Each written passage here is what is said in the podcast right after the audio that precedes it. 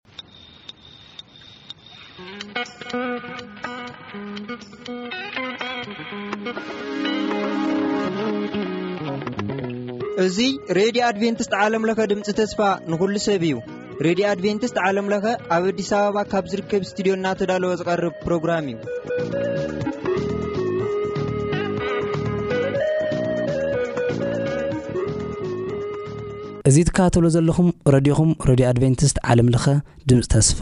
ንኹሉ ሰብ እዩ። ሕዚ እቲ ናይ ሕይወትና ቀንዲ ቁልፊ ዝኾነ ናይ ቃል እግዚኣብሔር ምዃኑ ኩላትኩም ኣይትዘንግዕዎን። እስቲ ብሓባር እነዳምጽ።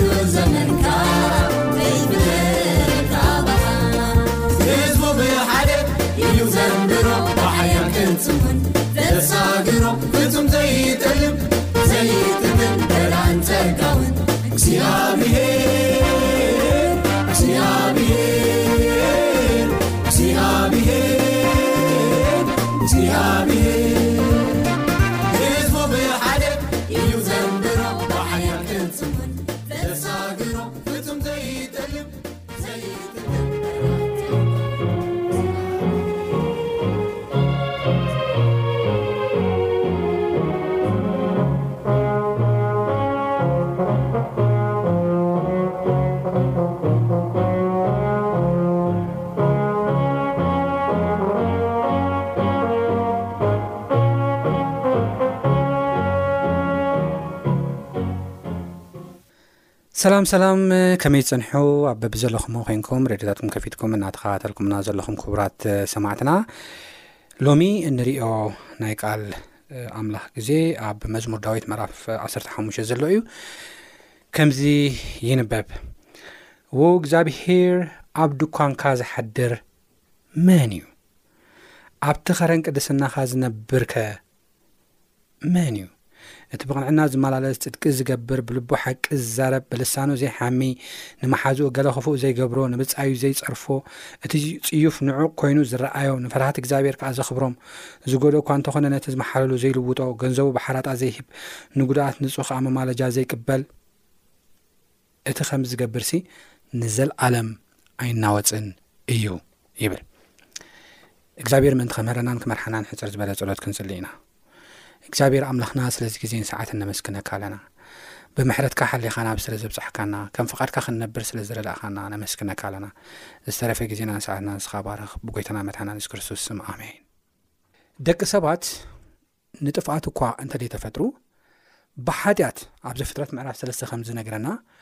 ብሓጢኣት ምኽንያት ግን ሞት ናብ ደቂ ሰባት ከም ዝኣተወ ኣብ ሮሜ ምዕራፍ ሸ ሓሙሽተ ፍቕዲ ዓሰርተ ክልተ ይነግረና እዩ። ብሓጢኣት ሞት ጥራሕ ደይኮነ ኣትዩ፣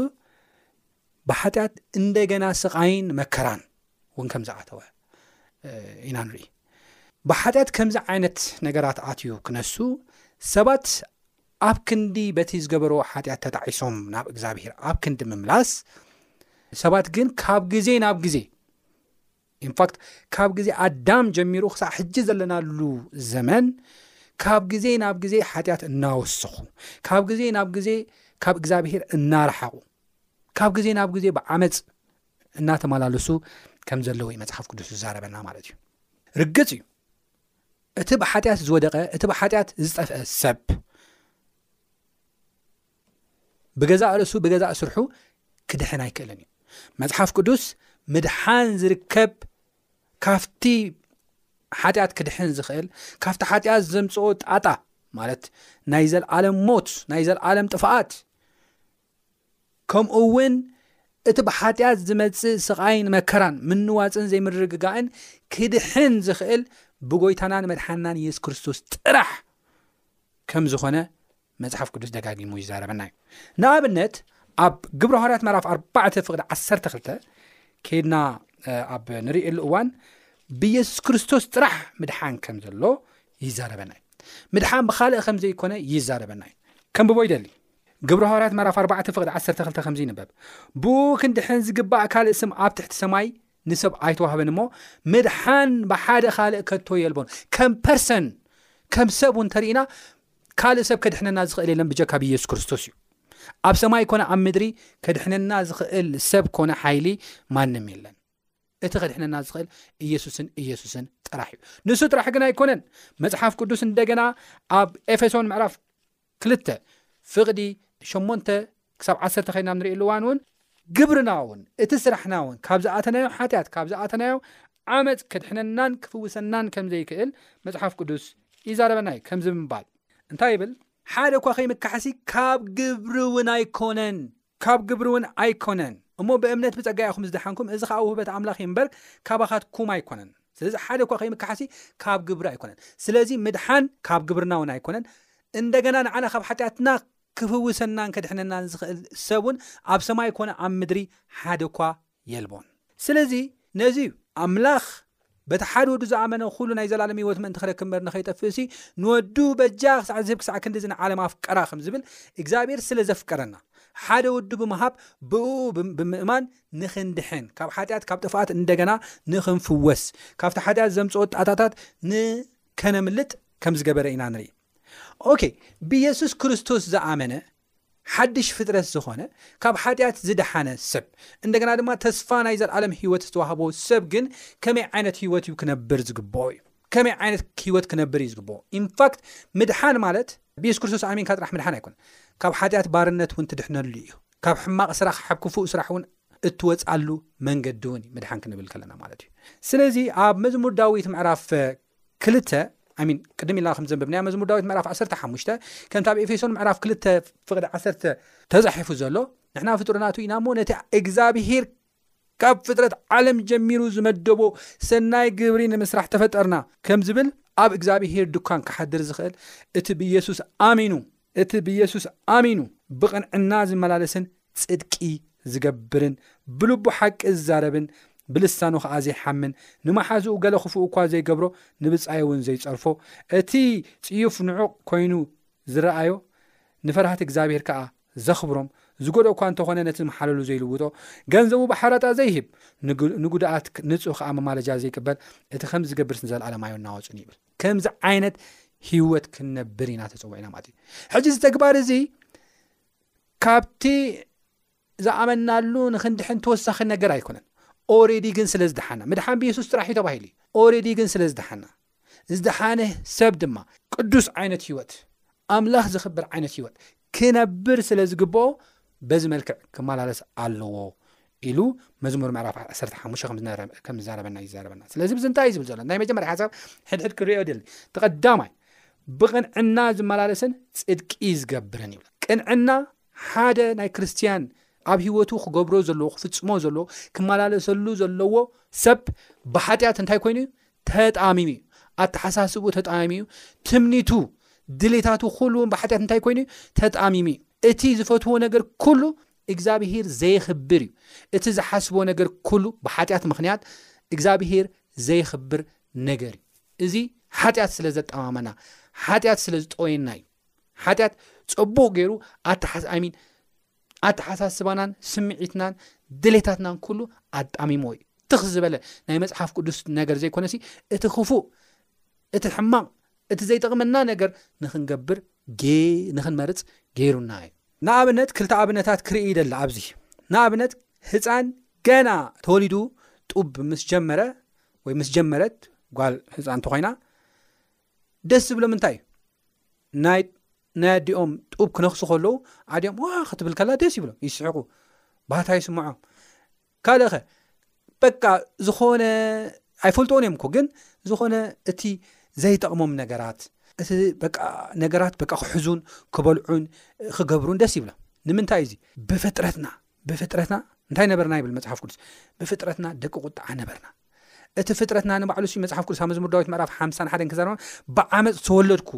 ተጣሚመ ተወለድኩ ብፅድቂ ንፅድቂ ንምግባር ዘይኮነስ ንዓመፅ ንክፍኣት ገፀይ ተጣሚመ ተወለድኩ ይብለና መፅሓፍ ቅዱስ ክዛረብ ከሎ ኣብ መዝሙር ምዕራፍ ሓምሳን ሓደን ኬና ንሪኢ ኣለዋና ስለዚ የሱስ ክርስቶስ ግን እንታይ ጌርና እዩ እዚ ተጣይሙ ዝነበረ ኣተሓሳስባ እዚ ተጣይሙ ዝነበረ ስምዒት እዚ ተጣይሙ ዝነበረ ድሌታት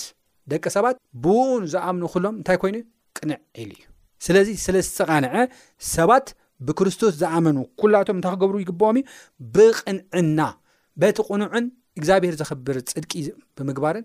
ክመላለሱ ይግብኦም እዩ እወ ከምኡ እዩ ዝብል እቲ ብቕንዕና ዝመላለስ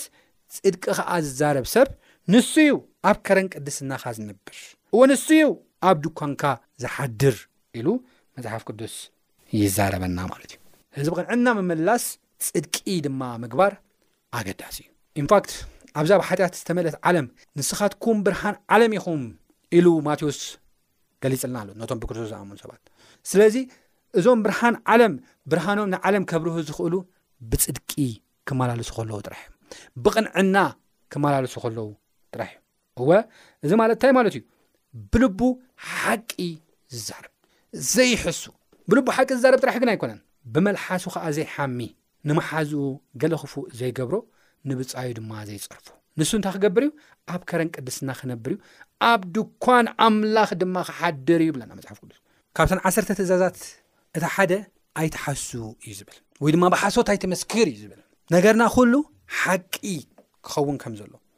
ሓቂ ክንዛረብ ሓቂ ከነምህር ብሓቂ ክንመላለስ እዩ ናይ እግዚኣብሄር ድሌት ንምንታይ ኣብ ዮሃንስ ወንጌል እቲ ሓቂ ክትፈልጥዎ ይኹም እቲ ሓቂ ድማ ሓራ ከተውፃኩም እያ እቲ ኣብ የሱስ ክርስቶስ ዘላ ሓቂ እያ ንዓና ሓርነት ከተውፃና ዝኽእል ንሕና እውን ናይ የሱስ ክርስቶስ ኣርኣያ ተኸቲልና ኢና ብልብና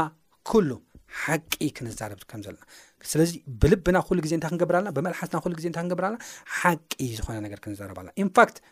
ምዚ ታሕዚ ሓደ ነገር ክዛረብ ይደሊ ማሕላ መፅሓፍ ቅዱስ ኣብ ማቴዎስ ምዕራፍ ኣብ ማቴዎስ ምዕራፍ ሓሙሽተ ፍቕዲ 33 እንታይ ይብል ነቶም ቀዳሞት ማሓላኻ ንእግዚኣብሄር ሃቦም እምበር ብሓሶት ኣይትምሓል ከም እተባህለ ሰሚዕኹም ኣለኹም ኣነ ግን እብለኩም ኣለኹ ብሰማይ ኮነ ዝፋን ኣምላኽ እዩ እሞ ብምድሪ ኮነ ከኣ መርገጽ እጉሪ እያ እሞ ብዮሩሳሌም ኮነ ከተማት ዓብዪ ንጉስ እያ እሞ ከቶ ኣይትምሓሉ ካብ ፀጉሪ ርእስኻ ሓንቲ ክትፅዕዱ ወይስ ክትፅልም ከተፀልም ኣይትኽእልን ኢኻ እሞ ብርእስኻ እኳ ኣይትምሓል ነገርኩም ደኣ እንታይ ይኹን ነገርኩምሲ እወ እወ ኣይኮነን ኣይኮነን ደኣ ተኾይኑ እወ እወ ሓቂ እዩ ተደይ ኮይኑ ከኣ ኣይ ኣይኮነን ይኹን እምበር እቲ ማሕላ ካብ ኣኸድኩም ኣወግዱ ኣይትምሓሉ ብልብኹም ኩሉ ግዜ ሓቂ ተዛሩ ስለዚ ሓቂ ምዝራብ ሓደ መርኣያ ናይ ዝደሓነ ናይ ክርስትያን መለለዩ እዩ ማለት እዩ ምዚ ተተሓሒዙ ብልሳኑ ዘይሓሚ ዘይሓሚ ኢንፋክት ምስኣ ተተሓሒዛ ኣብዛ ሓንቲ እንታይ ሽሙላ ንመሓዙ ከዓ ገለ ክፉእ ዘይገብሮ ሓሚዩ ንመሓዙ ከዓ ገለ ዘይገብሮ ማለት ክፉእ ዘይገብሮ ሓሜት ብተደጋጋሚ ኣብ መፅሓፈ ምሳሌ እግዚኣብሄር ዘይከብረሉ ሰብ ድማ እንጎድኣሉ መንገዲ ስለዚ መፅሓፍ ቅዱስ እንታይ ይብለና ንብፃይካ እንታይ ትግበር ኣይትሕመ ንብጻይካ ኣይትሕመ ፍጹም ንብጻይካ ኣይትሕመ። ካልእ ካልእ ንመሓዝኡ ድማ ገለ ክፉእ ዘይገብሮ። መጽሓፍ ቅዱስ ተደጋጋሚ እንታይ እዩ ዝብለና? እተን ዓሰርተ ትእዛዛት ኣብ ክልተ ተጠቕልለን ኣለዋ ይብለና እሞ እቲ ሓንቲ ንእግዚኣብሔር ኣምላኽካ ብምሉእ ሓሳብካ ብኹሉ እንትናኻ ንእግዚኣብሔር ኣምላኽካ እንታይ ግበር ኣፍቅሮ ብኹሉ ሓይልኻ ኣፍቅሮ እታ ትስዕባ ትእዛዝ ድማ ንብጻይካ ከም ነፍስኻ ኣፍቅሮ ትብል እንተኾነ እዛ ትእዛዝ እቲኣ ኣብ ማቴዎ ኣብ ዮሃንስ ወንጌል ምዕራፍ ዓሰርተ ሰፍ ፍቕዲ ሰላሳን ኣርባዕተን ከድና ንርእየሉ እዋን ንብጻይካ ከምቲ ክርስቶስ ጌሩ ዘፍቀረካ ጌርካ ኣፍቅሮ ኢላ ተጻሒፋ ንርኣ ማለት እዩ ስለዚ እዚ ማለት እንታይ ማለት እዩ ንዝብል ሓሳብ ንብጻይካ ከም ነፍስኻ ኣፍቅሮ ንብጻይካ ፍተዎ ከምቲ ክርስቶስ ገይሩ ዘፍቀረካ ከምቲ ክርስቶስ ገይሩ ዝሓብሐበካ ገና ፀላኢኡ ከለካ ገና ኣብ ሓጢኣት ወዲካ ከለካ ንስኻ እውን ንብፃይካ ከምኡ ጌርካ ኣፍቅሮ ማለት እንታይ ማለት እዩ ክንብል ከልና ኣብ ቀዳማይ ቆሮንጦስ ምዕራፍ ዓሰርተው ሰለስተ ይዛረበና ብዛዕባ ፍቕሪ ከምዚ ይንበብ ብቋንቋታት ሰብን መላእኽትን እንተዝዛረብ ፍቕሪ ካብ ዘይትህልወኒ ከም ዘድሂ ኣስራዚ ወይስ ጭልጭል ከም ዝብል ፀናፅል ምኾንኩ ትንቢት እንተ ዚህልወኒ፣ ኵሉ ምስጢራት ኵሉ ፍልጠትን እንተ ዝፈልጥ፣ ኣኽራን ክሳዕ ዚግዕዝ ከኣ ኵሉ እምነት እንተ ዚህልወኒ፣ ፍቕሪ ኻብ ዘይትህልወኒ ከንቱ ምዀንኩ ነይረ። ኵሉ ገንዘበይ ንድኻ እንተ ዝዕድል፣ ስጋይ ንምንዳድ ኣሕሊፈ እንተ ዝህብ፣ ፍቕሪ እንተ ዘይትህልወኒ ሓንቲ እኳ ኣይጠቕመንን። ስለዚ ፍቕሪ ኪህልወኒ ይግባእ እዩ ምስ በለ፣ ብዛዕባ ፍቕሪ ካራክተር ይዛረበና። እንታይ ይብል? ፍቕሪ ዓቃል እያ፣ ፍቕሪ ለዋህ እያ፣ ፍቕሪ ኣይትቐንእን፣ ፍቕሪ ኣይትጀሃርን፣ ፍቕሪ ኣይትንፋሕን ፍቕሪ ኣይተስተሓፍርን ናታ ኣይትደልን ኣይትምረርን ኣይትቕየምን ብሓቂ ትሕጎስ እምበር ዓመፅ ባሕ የብላን እዩ ኩሉ ትፀውር ኩሉ ትኣምን ኩሉ ተስፋ ትገብር ኩሉ ትዕገስ ፍቕሪ ኣይተቋርፅን እያ ይብለና መፅሓፍ ቅዱስ ክዛረበና ከሎ ስለዚ ብዚ ሓሳብ እዚ እንታይ እዩ ዝብለና ብዓመፅ ባህ ኣይብላን እዩ ክፉእ ብምግባር ንሓውካ ባህ ኣይብላን እዩ ስለዚ ብዚ መፅሓፍ ቅዱስ እንታይ እዩ ዝበለ ኣብ ከረን እቲ ቅዱስ ኣብ ከረን እግዚኣብሔር ክሓድር ዝኽእል እቲ ብየሱስ ኣሚኑ እንታይ እዩ ዝገብር እዩ ንብፃዩ ከም ርእሱ ንብፃዩ ከምቲ ክርስቶስ ገይሩ ዘፍቅሮ ምፍቃር እዩ ንብፃዩ ክፉእ ዘይገብሮ እዩ ንብፃዩ ዘይፀርፎ እዩ እንደውም እቲ ጽዩፍ ነገር እቲ ጸርፍታት ንዑ ኮይኑ ዝረኣዮ ከመይ ገይሩ ሰብ ከምዚ ይብል ከመይ ገይሩ ይፃርፍ ኢሉ ንዑ ኮይኑ ዝረኣዮ ንሱ እዩ ኣብ ከረንቲ ቅዱስ ዝነብር ኣብ ድኳንቲ ኣምላኽ ፍሉይ ዝኾነ ዓብ ኣምላኽና ክሓድር ዝኽእል ይብለና መጽሓፍ ቅዱስ እዚ ኸም ዝገብር ሰብሲ ንዘለዓለም ኣይናወጹን እዩ ይብል እዚ ሓሳብ እዙ ኣብ ምሳሌ እውን ተጠቒሱሉ እዩ ኣብ ምሳሌ መጽሓፍ ምዕራፍ ሓደ ከምዚ ዝብል ሓሳብ ኣሎ ናይ ጥበብ መጀመርያ እግዚኣብሔር ምፍራሕ የምስፈረ ኣብ ምሳሌ ምዕራፍ ሓደ ፍቕዲ ሸዓተ ካብኡ ምሳሌ ምዕራፍ ሓደ ፍቕዲ ሰላሳን ሰለስተን ግን እንታይ ይብል እቲ ዝሰምዐኒ ግና ብድሓን ክነብር ንኽፉእ ከይፈረ ኸዓ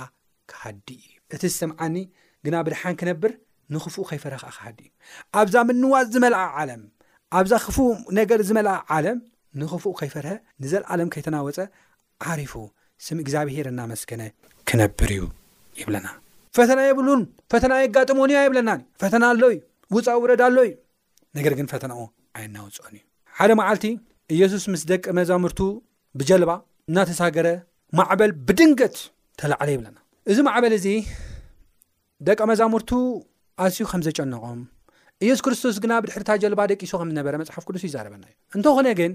እዞም ሰባት እዚኦም እንተተጨነቑ ክፈትሕዎ መፍትሒ ዝብልዎ ነገራት ኩሉ እኳ እንተፈተኑ እቲ ማዕበል ግን ደው ክብለሎም ኣይከኣለን ፈታኒ ነገር እዩ ኣብ ማእኸል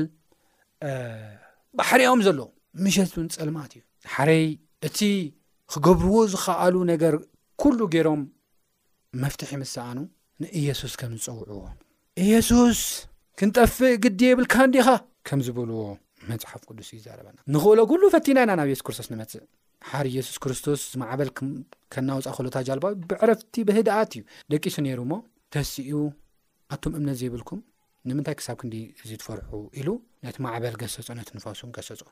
ዓብ ፀጥታ ድማ ክኾነ ይብለና ካብዚ ንምሃሮ 345 ነገራት ኣሎ ተቀዳማይ ኣብ ሂወት ድንገት ዝኾነ ማዕበላት ፈተናታት የጋጥም እዩ ኢንፋክት ዘሎ ህይወት እውን ማዕበላት ፈተናታት ዘለዎ እዩ ነገር ግን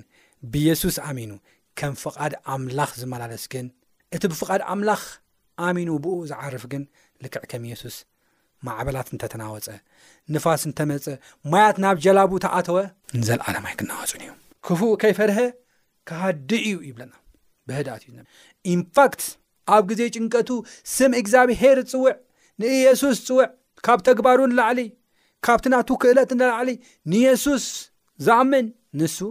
ብህድኣት ክነብር እዩ ንዘለዓለም ኣይናወጽእን እዩ ይብለና መጽሓፍ ቅዱስ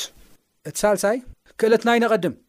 ፈተናታት ክመጽእ ከሎ እቲ ንኽእሎ ነገር ኣይነቐድም መጀመርያ ንንበርከኽ ሽም እግዚኣብሄር ንጸውዕ እየሱስ ንበሎ እየሱስ ቀረባ እዩ ጸሎትና ክሰምዕ ክረድኣና ንፋሱን ማዕበሉን ጸጥ ከብሎ ይኽእል እዩ እሞ ናይ ኢየሱስ ሽም ክንጽውዕ ይግብኣና እዩ እዚ ክንገብር እምበኣር እግዚኣብሔር ጸጉ የብዝሓልና ኣብ ዝቕጽል ብኻልእ ክሳብ ንራኸብ ሰላም ኩኑ ጎይታ ይባርኩም